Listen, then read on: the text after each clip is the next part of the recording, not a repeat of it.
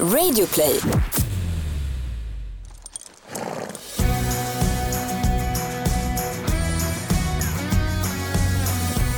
Det är äntligen tisdag och ett helt nytt avsnitt av podden Ridklubben finns tillgängligt. Hej Rebecka! Hej Gry!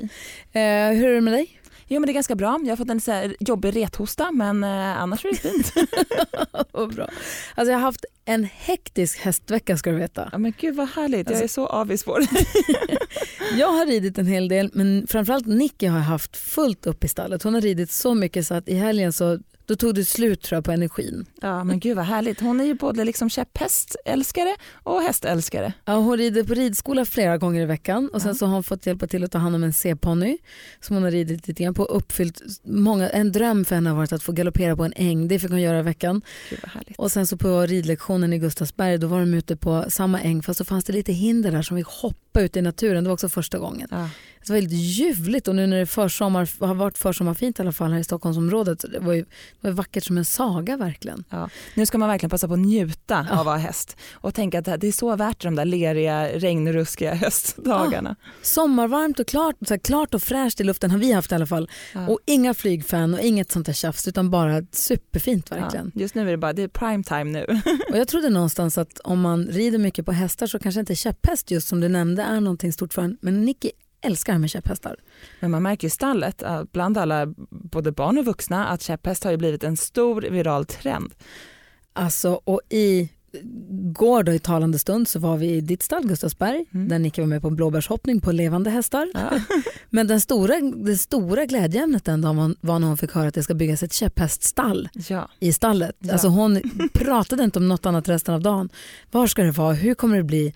Hur ska, och när hon gick och la sig igår så sa hon tänk att och den första juni börjar hon bygga. Ja. Får hon ställa sig på kö där till käpphäststallplats. Och hon tävlade då i Ågesta på en annan ridskola var det klubbmästerskap i käpphäst i helgen.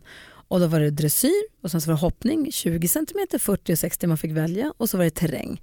Och så var det då en klubbmästerskapsvinnare, den som fick bäst på alla totalt. Och vilken bra övning det där, vilken bra träning inför framtida tävlingar med riktiga hästar. Ja men verkligen. För det är nerver och det är nervositet och det är, det, det är misslyckanden och besvikelser och tårar och de tröstar varandra Ja. och de hejar på varandra och de, man hör dem ropar andas, kom ihåg att andas när de kör terrängbanan. Alltså det, var så, det är så gulligt så att det inte är klokt. Nej. Nej men världens bästa uppladdning, verkligen. Ja, men det var så, och de lindade benen på sig själva, alltså det är så sött så att. Ja, nej, men det är faktiskt väldigt, väldigt gulligt. Och bra för att det är, mycket handlar om hur man hanterar motgångar. Då. För motgång, det är ju en som vinner oftast.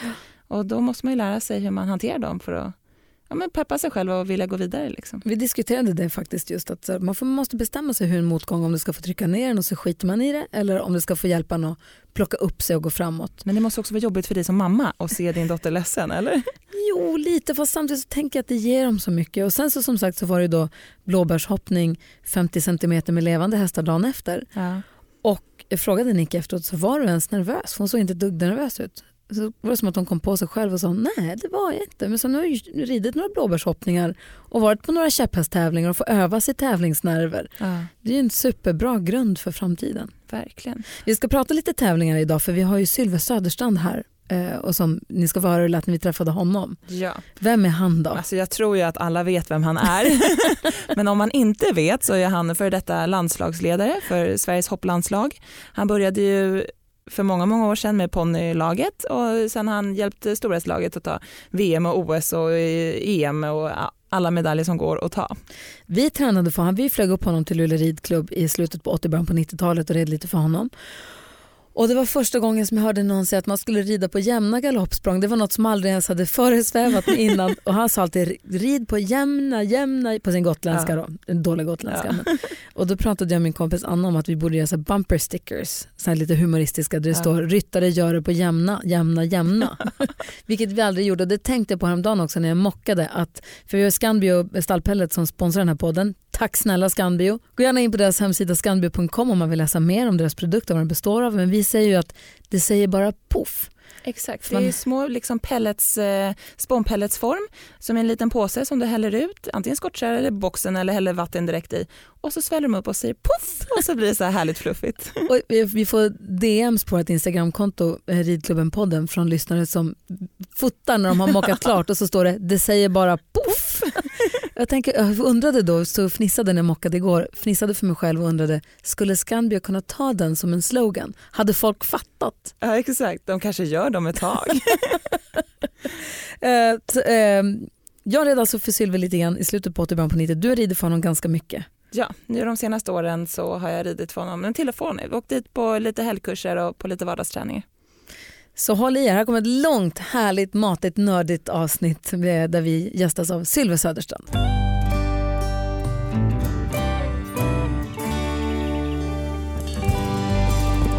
Han är en av de mest meriterade personerna inom svensk ridsport och har som förbundskapten fört det svenska hopplandslaget i medaljer i OS, VM och EM. Han startade sin karriär ridandes till kiosken på ett Gotlandsruss och när han inte reser världen runt med hästar så renoverar han gärna gamla hus. Varmt välkommen till ridklubben säger vi till Sylvert Lennart Åke Söderstrand. Tack så mycket. Hej! Ja, ni var pålästa. vi försöker. Ja, verkligen. Hur är läget? Ja, det är bra tack. Vad hette Gotlandsrusset? Jag hade ett russ som hette Donato Oj. som var uppförd av Löfvens, stall Löfven hade de. Det var en, en granne, eller inte granne, en släkting till oss som de stod uppstallade hos oss då. Och det blev så att de där hästarna använde vi istället för cykeln hade ju jättekul med dem. Och de var ju så bra också för att eh, de, de tyckte vi gjorde fel, då kickade de bara av oss eller gick under en gren som man åkte av eller la sig och rullade och sådär. Så att de, de lärde en liksom vad, vad man skulle göra och inte göra. Och det gav faktiskt början kärleken till djur, men framförallt till hästar. Rider du nu? Jag har faktiskt börjat igen. Va? Berätta. Nej men jag har ju delvis bor på Gotland som ju då är helt fantastiskt. Därför att där är eh, naturen är så lättåtkomlig. Plus att det finns väldigt mycket bra ridnatur på Gotland. Mm. Så att jag har en, en kamrat som eh, opererar, hon har ett gäng fina hästar som jag börjar rida. Först börjar jag åka lite häst och så blir det mer och mer. Och, eh, så jag ska faktiskt åka dit nu och i helgen och rida hennes hästar. Jättekul. Hoppar du också? Jag har börjat hoppa också. Mm. Kommer du börja tävla? Nej det kommer jag inte göra. Men jag tänker faktiskt skaffa en egen häst att ha på Gotland. Som jag kan ha själv. Gud vad härligt. Vi vill ju prata om det här med vad man ska titta på mm. och titta efter när man köper häst. Vi har fått eh, frågor från flera lyssnare som vill ha tips och hjälp när man letar häst. Men det kan vi återkomma till. Mm. Det roliga med Sylve, som vi kanske har nämnt tidigare, det är att jag red ju för dig eh, när jag hade min D-ponny mm. och sen också på mitt svenska halvblod för länge sedan. Det här måste ju varit 89, 90, 91 i de krokarna. Mm. Uppe i Luleå, det var jättekallt kommer jag ihåg. På Luleå ridklubb ja. När Sylve kom upp då var, det, då var det ordning i leden ska du veta ja, Rebecka. Då tvättades det vojlockar och schabrak och folk hade på sig sin finaste gå bort pikétröja tror jag. Det är det fortfarande skulle jag säga. Bra. Ja, det var ordning på torpet när Sylve kom. Eh, och du rider för Sylve nu. Ja men precis, inte just nu nu för nu är jag gravid. Men eh, innan så har jag ridit för dig kanske i åtta år nu till och mm. från. Mm. Mm. Har jag och mamma åkt till Sylves förra gård och tränat och ja, fått lite hjälp. Och vad skulle du då Sylve säga är skillnaden på tränings, hoppträningar då och nu?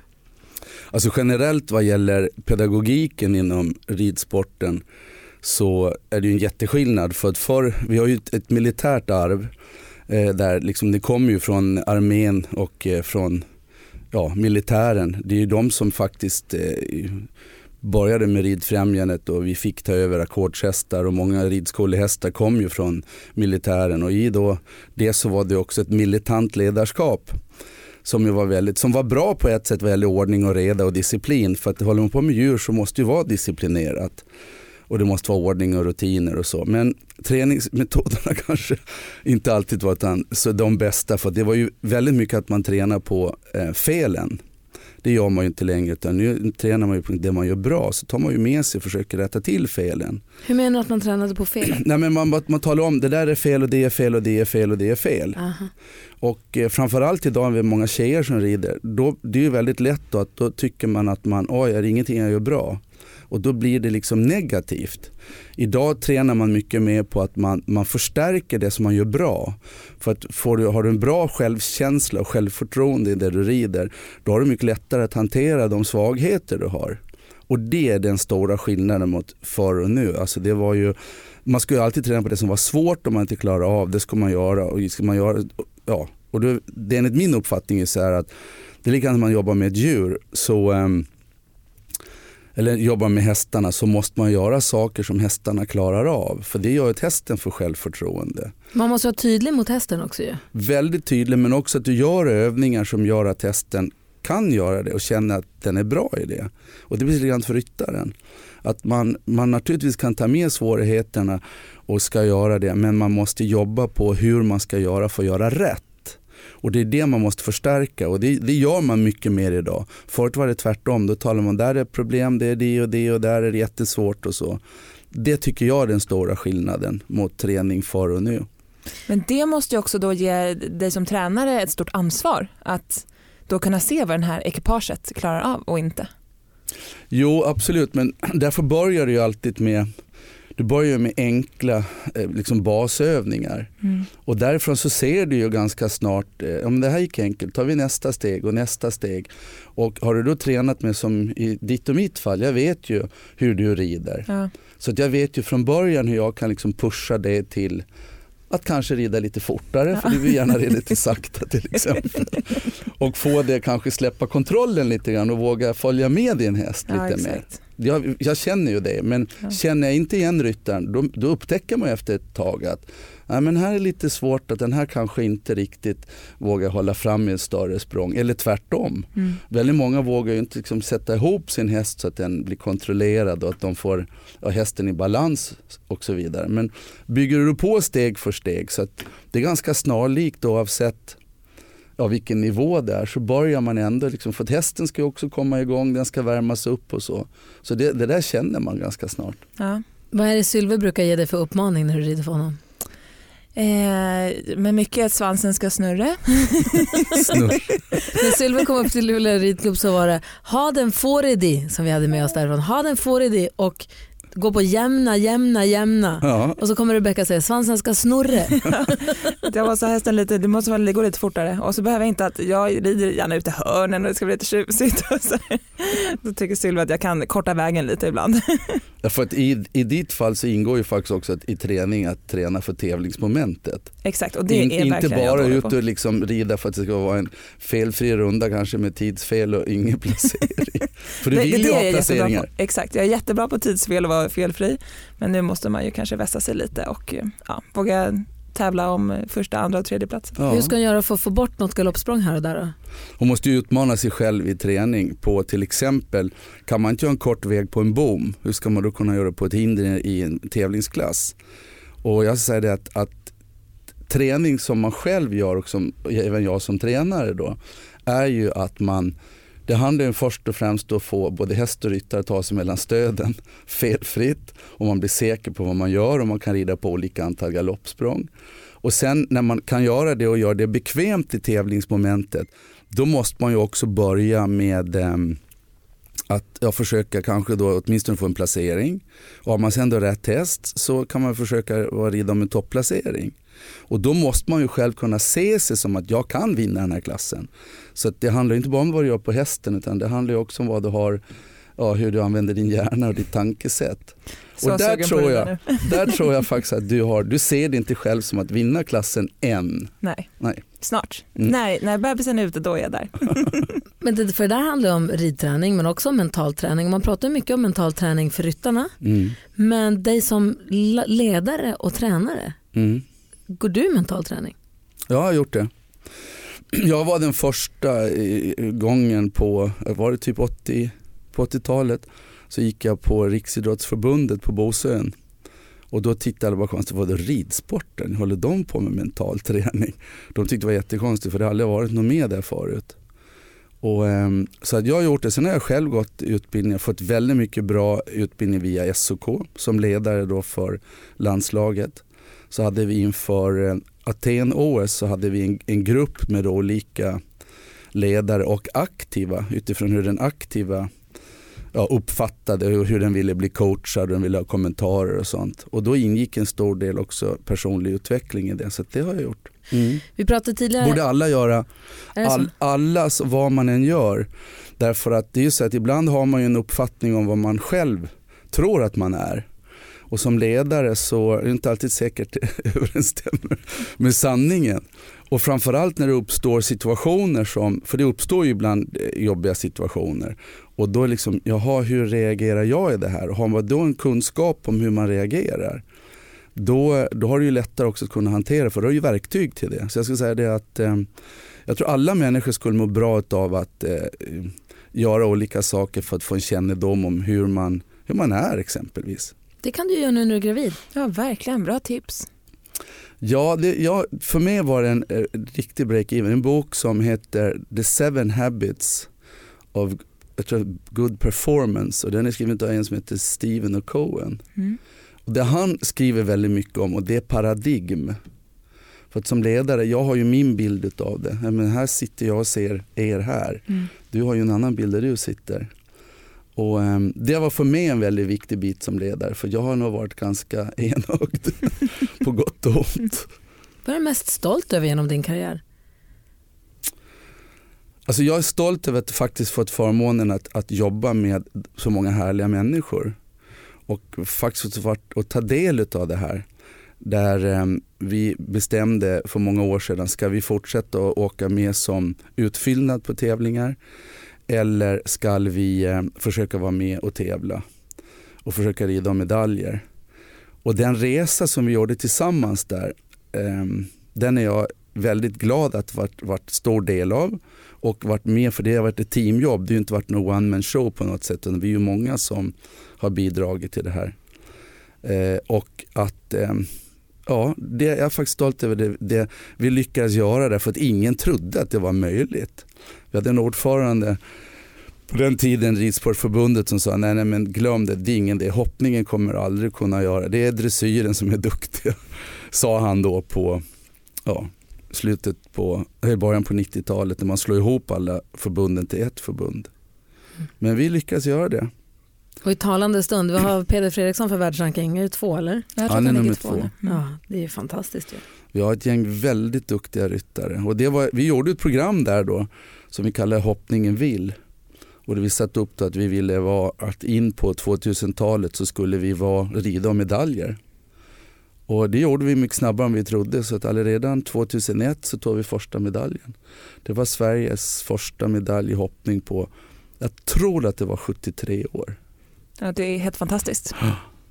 Alltså seniorerna, sen vi hade Exakt. ju juniorer i Young Rider men att Malin Bajardo de vann ju EM redan. Mm. Först på ponny och sen Young Rider på eh, 95 var det. Mm. Ja, nej, supercoolt.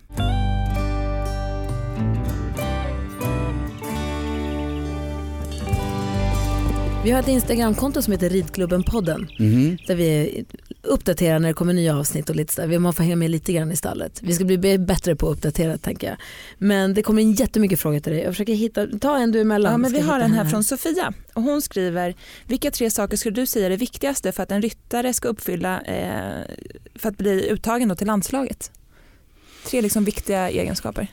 Det handlar egentligen alltså, det handlar om resultat. Ja. Det handlar om resultat för att, att nu finns det ett jättebra system i Sverige. Vi har bra ridskolor som ger en bra grund. Vi har en del ridskolor som även fortsätter vidare från grunden. Tyvärr allt för få tycker jag. Det borde vara fler som ska jobba med talangutveckling av de ryttare som har ambitioner för det. Ehm, så där finns det en stor kunskap och det finns också en stor ehm, eh, respekt för, för djuren. För att det är ändå trots allt hästens villkor som vi gör det här på. Och det är unikt i Sverige. Det har vi, alltså det är otroligt. Det är bara att se idag, det är liksom, skulle någon slå en hund på gatan så skulle liksom den i princip bli nedslagen. Men om de skulle slå en människa så är det knappt någon som bryr sig. Mm. Så det, vi har ju en väldigt starka känslor för djur. Um, så det har vi med oss bra från grunden de allra flesta. Sen handlar det naturligtvis om att ska du vara med i ett landslag så måste du ha resultat. Mm. Och har du inte det så kan du inte vara med. Och då handlar det kanske inte bara om att, att vinna en klass då och då utan det handlar också om att ha en hög lägstanivå. Därför min erfarenhet som ledare är det att du kan ha en ryttare som, oj den vann den klassen men sen har den, oj den red, eh, gjorde dåligt resultat i, i väldigt låg lägstanivå. Och det är viktigt att man har en hög lägstanivå om man ska vara med i ett lag. Därför att det är ändå en jädra skillnad. Vi tävlar individuellt i vanliga fall. Så kommer man till lagtävling då är det liksom, du är en viktig del för laget. Och det är någonting som de flesta ryttare inte är vana vid. Och har du då inte en hög lägsta nivå, då um, är det inget bra. Men blir man annorlunda? Hur upplever du de som har ridit i landslaget? Kan, blir man mer nervös eller liksom blir man... Jätteskillnad. Alltså det är, vad som vi verkligen hoppas att alla kommer att värna om det är att vi har ponnyallsvenskan på alla mm. nivåer. Vilket är helt fantastiskt. För det är precis samma nervositet att rida ponnyallsvenskan som rida ett OS lagtävling. Ja. Ingen skillnad. Och har du gjort det här som vi har då, både ponny, du har division 1 och ridsportsallsvenskan som verkligen folk får träna rida i lag. Plus att det är så fantastiskt kul att vara ett lag verkligen. och vara ett team med det. Men så det är, så här, det är en viktig erfarenhet att man faktiskt har ridit i lag. Mm. Men som jag kommer ihåg Lisen Bratt när hon slog igenom, hon hade ju hon hade aldrig ridit lag. Och hon, eh, då bestämde jag mig att ta med henne ut på de här mindre lagtävlingarna. Jag fick jättemycket kritik för det. Då sa jag att hon är så pass duktig och har så bra hästar så att hon kan vara aktuell för ett mästerskap, kanske till och med redan nästa år. Och det visade sig, hon red ju OS i Sydney. Mm. Och jag kan säga att hade hon inte gjort det här året innan så hade det varit, och det sa hon själv, det är tur att hon gjorde det. Ja. Vi har fått eh, ett meddelande på Instagram här från en lyssnare. Mm. Hon säger hej, tack för en jättebra podd. Kan inte ni göra ett avsnitt där ni pratar om att köpa häst? Och jag märker lite grann att Rebecka nu som är höggravid och lite uttråkad och vill hålla på med hästar mer än vad hon kan, känns det som.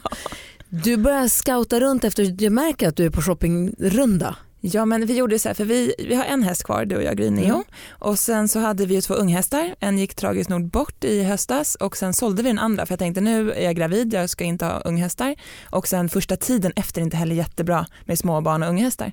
Och då tänkte jag att så kanske vi köper en till Neo nu typ som är lite mer, ja men åt läromästarhållet och mm. kanske gått 1,20-1,30 som man, ja men jag kan hoppa upp och rida på på en gång och du också rida på. Och då undrar Isabelle här, eh, vad ska man se till att göra med hästen på provridning? Vilka frågor är bra att ställa? Det är bra, jag behöver också tips Det här är ju egentligen som, som du skriver att det här är egentligen helt avsnitt att prata om att köpa häst. Eh, för det, det, är faktiskt eh, det är otroligt mycket man ska tänka på. Nummer ett är ju det först, vad är det för häst jag vill ha? Att man gör det klart för sig innan.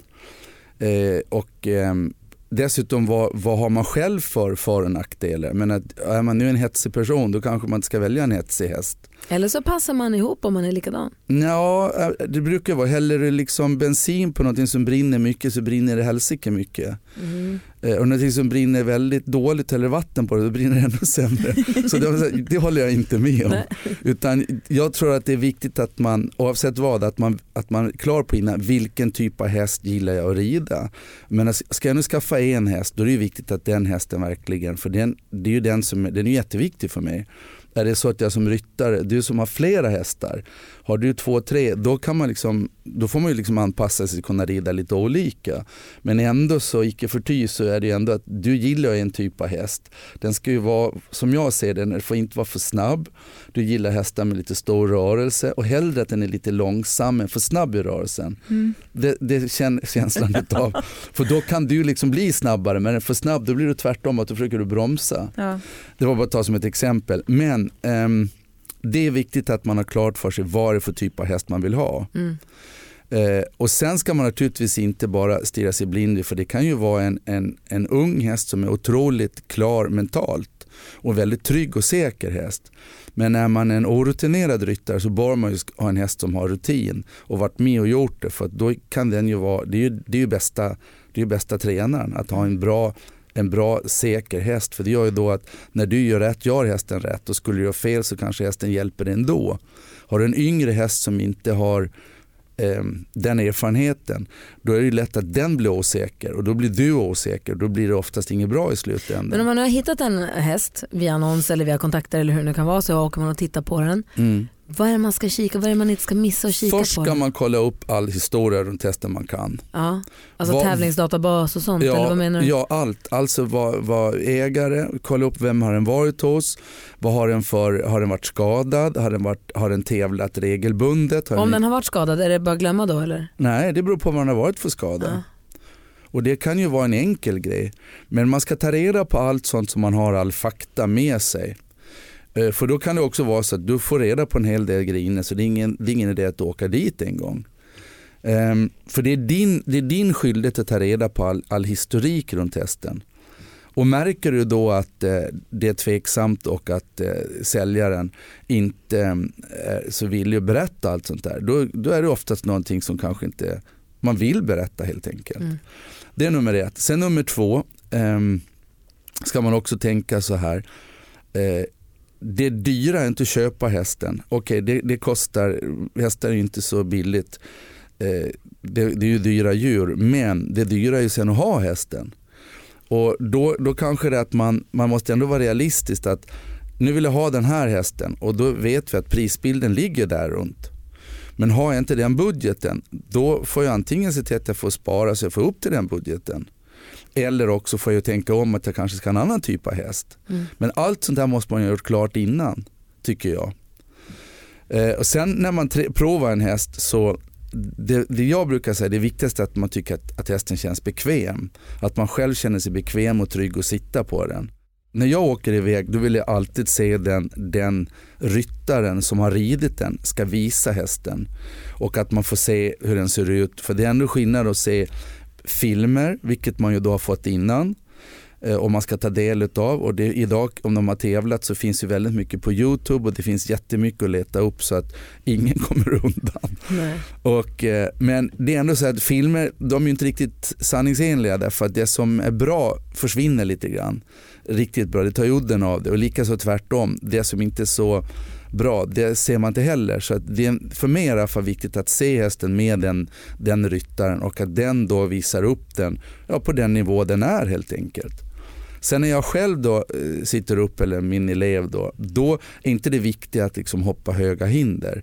Utan det viktiga att det första gången är att man sitter upp, man känner sig bekväm, man känner att den här ridningen fungerar och att ja, det känns, den här gästen kommer jag kunna gilla. Naturligtvis filmas det här Sen åker man hem och så går man igenom det här och så en gång till går man igenom all historik. Hur var det nu? Vad har hästen för för och nackdelar? Och eh, några nackdelar det kan man leva med, det är inget konstigt. För men, det är klart att det inte kan vara hundra allting. Men fördelarna måste överväga nackdelarna. Och kan man och det här, vara med den i stallet eller prova lasta den, ja, ska man göra sånt också? Alltså jag tycker, jag vill när jag kommer till att den ska stå i stallet oklädd och att de klär på den där för då ser man hur hästen beter sig i stallet och då kan man vara med och liksom börja snacka och skaffa första kontakten med den. Och då upptäcker man ju, för menar, trots allt, menar, att om ni nu har två hästar så är det väldigt viktigt att det är en häst som ni känner att ni kan hantera i stallet och inte någon som liksom bits och sparks och liksom man knappt kan ta på. Mm. Sen den sista delen som jag också tycker är viktigt det är det att när jag köper en häst att jag ändå är så pass öppen i att om det här inte skulle fungera, att jag då faktiskt kan sälja den till någon annan den kan fungera på. Och då måste jag också tänka på, ja, de här pengarna jag betalar, är det, kan jag få tillbaka dem? För det betyder ju inte bara för att inte hästen ska passa med till fel på hästen. Mm. Och därför får det inte vara för mycket felaktigheter. För många tror ju att oh, jag kan göra det och jag kan fixa till det här och så. Och det är klart, alltså träna hästen och gör den starkare och gör den mjukare att rida så det kan man göra. Men det är inte säkert att hoppningen blir bättre för det. Oftast brukar hästarna hoppa som de gör. Att, Känner du att du får mera grejer nu här ja, Rebecka? Alltså, gud ja. Veckans powerdeal hos Vedol. Jalas! Rätt sko för rätt jobb. Alla fötter är olika och alla jobb kräver olika skydd. Jalas har skyddsskorna för dig och ditt jobb. Så den här veckan, välj skyddsskor från Jalas hos Swedol. För säkerhets skull! För säkerhets skull. Ah, dåliga vibrationer är att skära av sig tummen i köket. Ja! Bra vibrationer är att du har en tumme till och kan scrolla vidare. Få bra vibrationer med Vimla. Mobiloperatören med Sveriges nöjdaste kunder enligt SKI.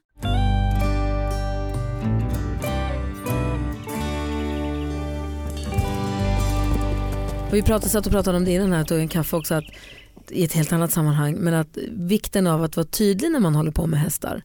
de har ju bara de förutsättningar de sätts inför här och nu. Mm. De kan inte läsa mellan raderna, de kan Nej. inte förstå vad du egentligen menade. Du sa en sak men du menade en annan. Mm. Och det är väl samma här också, att man måste vara ganska, Mm. eh, ja, men, vad ska man säga, konkret. Du måste vara tydlig. Ja. Du måste ha ett tydligt ledarskap. Och Det som är så härligt med djur därför att de ger ju tillbaka det du ger. Och ger du till ett djur, men det är som med hundar och katter och vad det än är. Alltså det är så härliga djur för de är ju oftast glada. Om du är positiv och behandlar dem bra så får du ju så mycket kärlek tillbaka på olika sätt. Och det är väl också så här som jag tror, som kanske vi var inne på förut med träning, skillnad. Om man tar en ryttare som jag tycker är en jätteförebild, Malin Bajard som ju inte är stor och stark.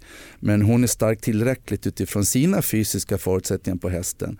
Men hon har ju en sån otrolig positivitet och alltid uppmuntrar sina hästar. Vilket gör att hon får ju hästarna att kämpa med sig. Och det tror jag är viktigt, det vet ni själva. Om ni har arbetskamrater som ja, bjussar och kommer, jag kommer lite sent, men det spelar ingen roll, jag hjälper dig med det och sådär.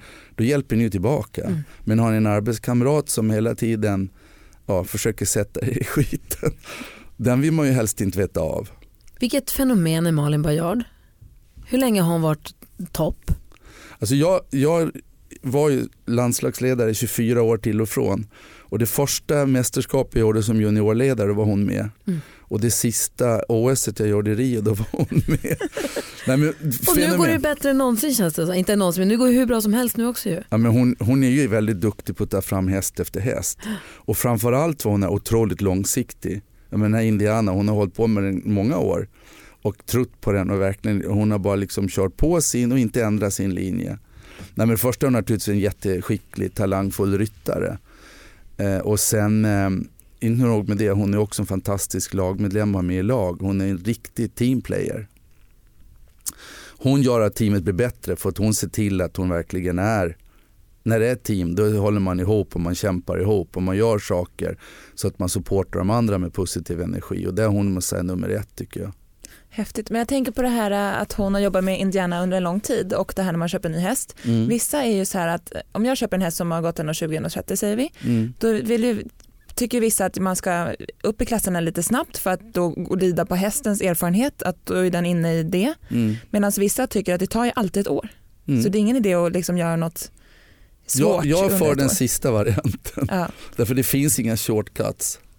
nej. För det Utan- gäller ju, du- som jag sa, det gäller ju också att, att hästen måste kunna förstå dina signaler, du måste lära dig förstå hästens signaler. Och då är det ju så att är, gör du det på ett bra sätt och du får en hästen att, att fighta med dig, då kan det faktiskt gå trots att inte allting blir hundra rätt. Därför att hästen känner dig. Åh fasen, nu är hon för långt ifrån. Nej, nu gäller det Rebecka, vi får ta ett språng till här. Och då hjälper den till. Ja. Men är det så att du sätter den liksom fel och den kommer in i hindret och den blir osäker och slår sig. Då säger nej Rebecka nu får du hoppa själv, det här gör inte jag. nej, det var Var du för snabbt då, då känner man ju inte varandra på det. Nej. Men skulle du säga att det tar ett år? Jag kan inte säga att det tar ett år, jag kan säga att det, det är viktigt att få ta den tid det tar. Ja, För när det sitter så sitter det. ja. Jag menar att Indiana hade ju, jag kommer inte ihåg hur gammal Indiana är just nu, men det måste i alla fall vara minst fem år sedan hästen köptes i Arezzo. Mm. Charlotte Söderström köpte ju den själv på tävling, såg den och tyckte Mhm. jättemycket om den. Och så sa Malin, ja den här var fin, den kan jag tänka mig i. det." Men okej, vad kul sa Charlotte, så blev det så. Häftigt ju. Och Ja. sen när den varit med nu och liksom va- var då tog mästerskapsmedalj förra året. Ja, Det är coolt. jätte. Rebecka har en liten dröm om att åka utomlands och tävla. Det har du aldrig gjort förut va? Nej, Och då finns det, det spanningar, eh, spanningar, tävlingar i Spanien som du vill åka på. ja men exakt. Det, är ju, eh, nej, men det har ju varit min dröm sedan man var liten och började upptäcka att folk åkte utomlands och tävlade. Mm. Eh, dels för att bara få åka dit och se alla duktiga ryttare och Mm. leva i det skulle ju vara häftigt Mm. för en amatörryttare som jag ändå är måste jag säga. Eh, och då är det ju tävlingar i Spanien varje år Mm. mellan februari och mars. Ja. Och det finns ju lite olika tävlingar där nere vad jag har förstått. Det finns ett helt gäng tävlingar och jag håller med dig. Jag tror att det här är en, en Alltså vi håller ju på, det här är ju inte bara liksom en, en sport, och, det är en livsstil. Ja. Och eh, det är faktiskt så, jag, menar, jag har själv varit i Spanien nu och tränat med några ryttare. Jag tror jag varit där under vintern, kan det ha varit fem veckor totalt. Och då är det precis som du säger, det är ju tävlingar från eh, ja, clear round 80 cm upp till 1,50. Och du har alla möjliga ryttare. Du har alltså toppryttare som då Scott Brash, Ben Maher, eh, Edvina Tops, alla ner till då, ja, någon som Mig. kanske, ja, till, till dig då och, Ja. och till och med en, ännu mindre erfarna ryttare än vad du är. Ja. Och det som är, är bra där, det är ju verkligen en mötesplats där em, du är på samma framridning. Du får se vad de gör och oavsett om, om någon står och tränar så de, de intryck man kan ta det är oerhört värdefullt och inspirerande. Men att både att du får se liksom hur det ser ut när de kommer på en häst som kanske inte är klar än och de vinner de här GCT eller Mm. mästerskap och så. Utan att de får jobba på precis samma saker som du gör. Mm. Vilket ju förstärker det. Det är ena delen. Sen är det ju så här då att, att fördelen är ju då att eh, om det inte går som du har tänkt det så finns det alltid möjlighet att man kan gå ut och göra om banan innan du går in i stallet. Det kan ju inte vi här i Sverige för vi har ju så mycket starter. Exakt. Och det är inte så många banor så det betyder att har du ett problem så kan du direkt träna på problemet. Vilket gör att nästa dag, då vet du att du har löst det. Gud vad bra. Ja det är väldigt bra. Sen är det ju också då oftast ett betydligt enklare klimat därför att ehm, som när vi var där i januari då var det ju alltså mellan 15 och 20 grader varje dag. Mm. Och dessutom på det stället vi var, heter Oliva, eh, kan du ta ut hästarna på stranden varje dag mellan 7 och 11 tror jag det var. Så att det är också att det blir väldigt omväxlande både för dig och eh, för dina hästar. Men framförallt inspiration att kunna se så mycket annan bra ridning. Mm. Dit åker vi. Det tog Kan man sända Mix Megapol från Spanien? Klart man kan. Ja, finns det internet? Ja! Ja, det är klart det finns.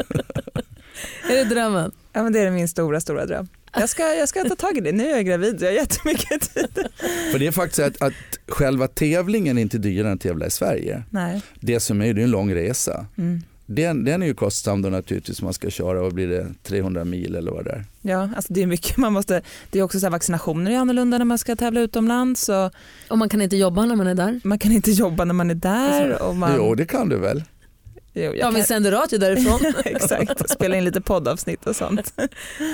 Ja, nej, men det är verkligen en stor dröm och jag hoppas att, kanske inte, om det inte blir nästa år så något år ska jag göra det. Vi Mm. pratade om stora internationella tävlingar och du sa GCT lite i förbifarten. Global Mm. Champions Tour. Ja.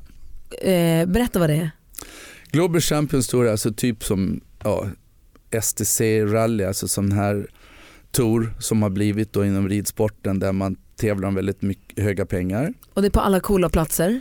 Ja, det är många coola platser och det bland annat kommer vi vara i Stockholm på Stadion nu i mitten av juni. Och det är första gången som det är i Sverige. Det är första gången i Sverige. Så det är 20 platser runt om i världen i år och man har hittills klarat av fyra. Doha var första, sen var det Mexiko där jag var, Miami Mm. och sen var det mm, Shanghai nu förra helgen och sen blir det nästa helg det Madrid. Och på vilket sätt är du inblandad i det? Jag är involverad för att jag tränar en ryttare som är med i ett sånt team Aha. som heter Matilda Karlsson som kommer från Skåne. En liten hästtjej som börjar rida och var hästskötare och sen har hon tagit sig hela vägen upp och nu är hon med och rider och var faktiskt för första gången nu var hon högt topplacerad dubbelnolla i Mexiko Grand Prix. Kan inte det, jag tycker att er resa är en ganska häftig resa som du och Matilda har gjort tillsammans. Kan du inte berätta lite, hur kommer det sig att ni hittade varandra eller att hon hittade dig? Alltså hon var ju med i ett team då som Ehm, bland annat Rolf-Göran var med i och eh, då sa Rolf till henne att du behöver ha någon som kan hjälpa dig och styra upp lite grann och som kan vara med bakom när du går banor och framförallt ge dig trygghet och så på framhoppning på olika sätt. Förra året så hade hon två hästar som, ehm, eller hon hade fler men två hästar som hon kunde rida då lite större klasser på.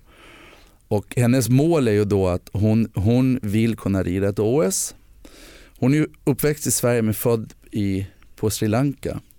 Och nu har hon tagit tillbaka så hon har dubbelt medborgarskap så hon tävlar för Sri Lanka. Och det är utav den anledningen att det är så många duktiga svenska ryttare och Mm. chansen att kvala in till ett svenskt lag, vilket hon absolut kan, men just nu är hon inte där än. Men eh, hon börjar närma sig det och då var ju det här hennes stora mål att hon ville göra det. Men kan hon rida lite för Sri Lanka ett tag och sen rida för Sverige sen? Det kan hon Kan man göra. göra så? Det kan man Ja. göra. Men Sri Lanka, har de något typ lag eller är hon ganska Nej. ensam? De har aldrig haft någon ryttare som har tävlat på den här nivån förut Nej. så det är ju för dem är ju en jättestor grej att Som cool runnings. Ja, de tycker att det är helt fantastiskt att det, det, i och med att hon är ju född eh, Sri Lankes och att hon nu gör det här.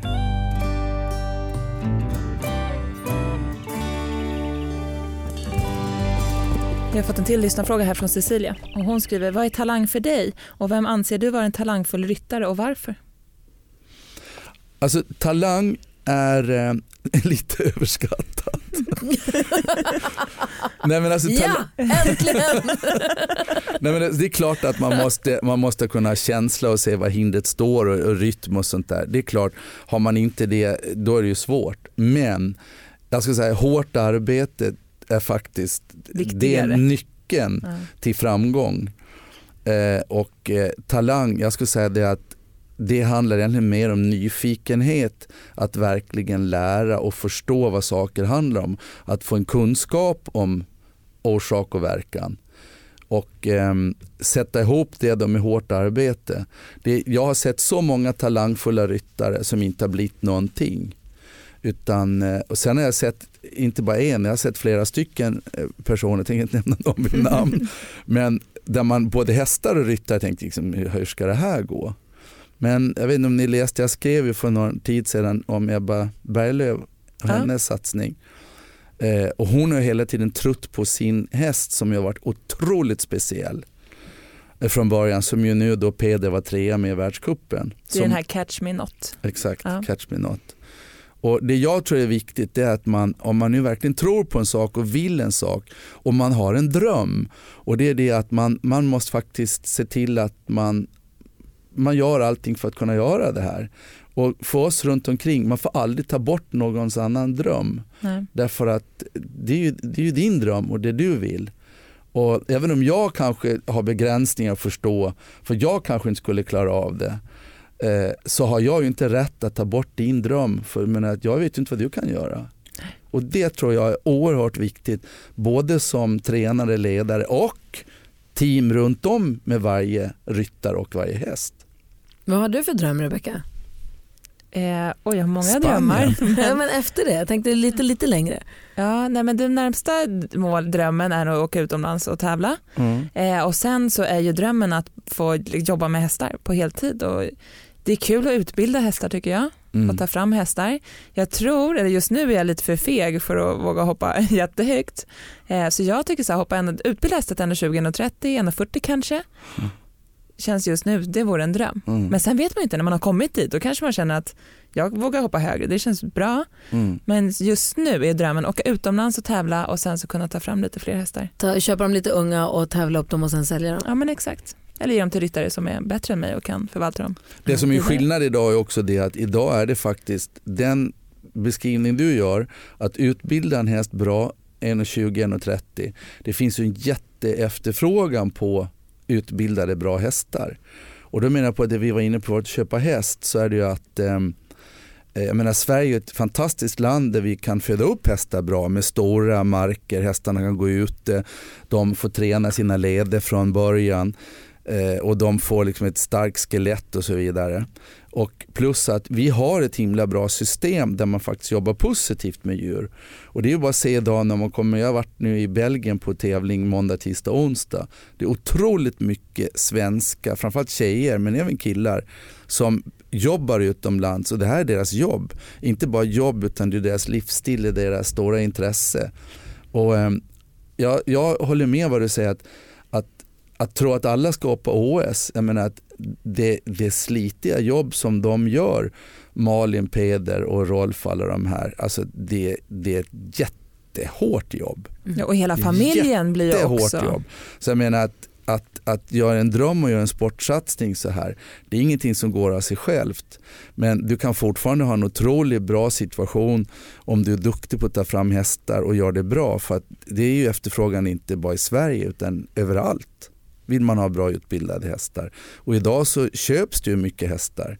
Den ena delen, den andra delen, jag är ju inte hästhandlare för jag gillar inte att sälja hästar för jag är inte bra på det för att jag Ja, jag tycker för mycket om hästarna. Så det, har, det har inte varit min grej någon gång någonsin. Men däremot är jag otroligt privilegierad att få jobba som tränare. Mm. Jag menar att det trodde jag aldrig att jag skulle göra. Och det är jag otroligt tacksam för. Och vad har du för dröm nu? Nej men dröm nu, jag tycker faktiskt att jag har himla bra. Eh, jag, har, jag har ingen direkt med dröm. Det kanske låter hemskt att säga så här, men jag är glad att varje morgon att jag vaknar att jag är frisk och att jag kan göra det jag gör. Eh, jag lever i min dröm. Jag menar att eh, jag har ett fantastiskt liv, jag är gift med en jättehärlig människa. Och ehm, det känns som jag får plocka russinen ur kakan. Och jag är frisk och får med att göra det här. Gud vad härligt. Mm. Vad glad jag blir. Verkligen. Det är där man vill hamna sen. Eller nu, du har ju ett barn och det är ett barn till och Ja. du har det här Och så härliga njuta i jobbet. stunden lite. Ja, exakt. Ja, det kanske man borde bli bättre på faktiskt. Ja, och det, framförallt så tror jag att man tänker lite för sent på det. Eh, Att, men alla har ju sina tragedier på ena eller andra sättet men många inser inte det förrän liksom när en tragedi har kommit. Och det kanske man borde tänka på lika med att vi, det ena vet vi här och just nu Mm. och att man faktiskt bör vara lite här och med just nu. Och när du är i den här världen som, som jag befinner mig i så jag har alltid varit här och just nu då. Gud vad härligt. Mm. Nu ska jag carpe diem då helt enkelt. Exakt. Det är superkul att du ville komma och hälsa på ridklubben. Det var jättekul att vara här. Ska vi kunna sitta och prata häst i timmar? Ja verkligen. Det, det tar ju liksom aldrig slut och det är lite det som är tanken med den här podden också. Att man pratar med häst med, människor som älskar häst lika mycket som vi gör. Kan du Mm. tröttna på att prata om hästar? Nej, det, eller, tröttna. Mitt problem är att jag pratar alldeles för mycket så att eh, jag kanske borde tröttna lite grann. Nej men det är faktiskt som jag sa förut att, att hästar är helt fantastiska djur och det är verkligen kul och ja, men tänk så privilegierat att få hålla på med det man verkligen gillar. Vad är det med hästar som är så fascinerande? Nej men ja, för det första tycker jag att du tror ett vackra djur och just den här kombinationen man ser, jag menar att eh, Förr i tiden så eh, var det ju, eh, om vi tar då Tyskland som i Sverige då alltid har tittat lite grann på, så tycker jag det är imponerande att se då Matilda Karlsson 43, 42 eller 44 kilo de var väger och liten och på en hingst som är 1,76 hög. Och det teamet ihop och den rytmen när hon liksom kan gå, gå runt och göra de två ihop, det är ju inte styrka det handlar om. Det är klart att det är styrka på ett sätt från henne naturligtvis. Men det är ju, det är ju teamet mellan häst och ryttare. Och man ser den, liksom, det är en otrolig tillfredsställelse att se när det funkar. Eller som typ när Peder hoppade Catch Me Not där i världskuppen. Alltså det är ju det är så coolt att se den kombinationen. Först vill hästen knappt gå in och den var spänd och tittig. Men när den kommer in så, så säger Peder kom igen nu går vi. Och sen följer den bara med och bryr sig inte om publik och ingenting. Det tycker jag är otroligt fascinerande att vi faktiskt kan ha den kommunikationen med djur. Perfekt, ska vi åka och provrida hästar Rebecka? Japp. Vi kollar efter en lugn gunghäst. Du gillar, hon gillar skimlar som går lugnt och fint och gungar fram och gör det de ska. Ja, perfekt. Har ni en sån, hör av er. Eh, Vi har fått, det det är en lyssnare som, jag berättade när vi intervjuade Ansi, Ann-Sofie Oskarsson, Mm, att jag har ofta när jag rider en låt på repeat i huvudet när jag rider. mm. Och det kan vara störigt ibland för att det är inte alltid mina bästa låtar men ibland är de bra låtar också. Nu i senaste red så var det en Lalle-låt. Eh, bara var mig själv tror jag det var. Eh, och då har Maj, eh, Maj-Lis har skrivit här, kul att du jag ska säga, lyssna på ett avsnitt med Sofie Oskarsson, känner igen mig så mycket, också alltid en låt i huvudet när jag rider. Vet, kul att veta att jag inte är ensam om dessa knasigheter. Så en annan lyssnare som också sjunger, Pippi, här kommer Pippi Långstrump precis som du sa. Ja, det gör jag när jag rider ut på unghästarna första gången och ska gå under bron som de kan Gud, tycka jag är har lite aldrig läskigt. hört att någon sjunger. Då sjunger jag, här kommer Pippi Långstrump. Det är lite, det är lite avväpnande. Håller inte du på med sånt? Nej. Du ska köpa häst nu så det kanske är bra. Då får du komma på en bra låt. som du Eller kan sjunga Ja, kanske växer. bra tips. Ja, tack snälla. Tack själv.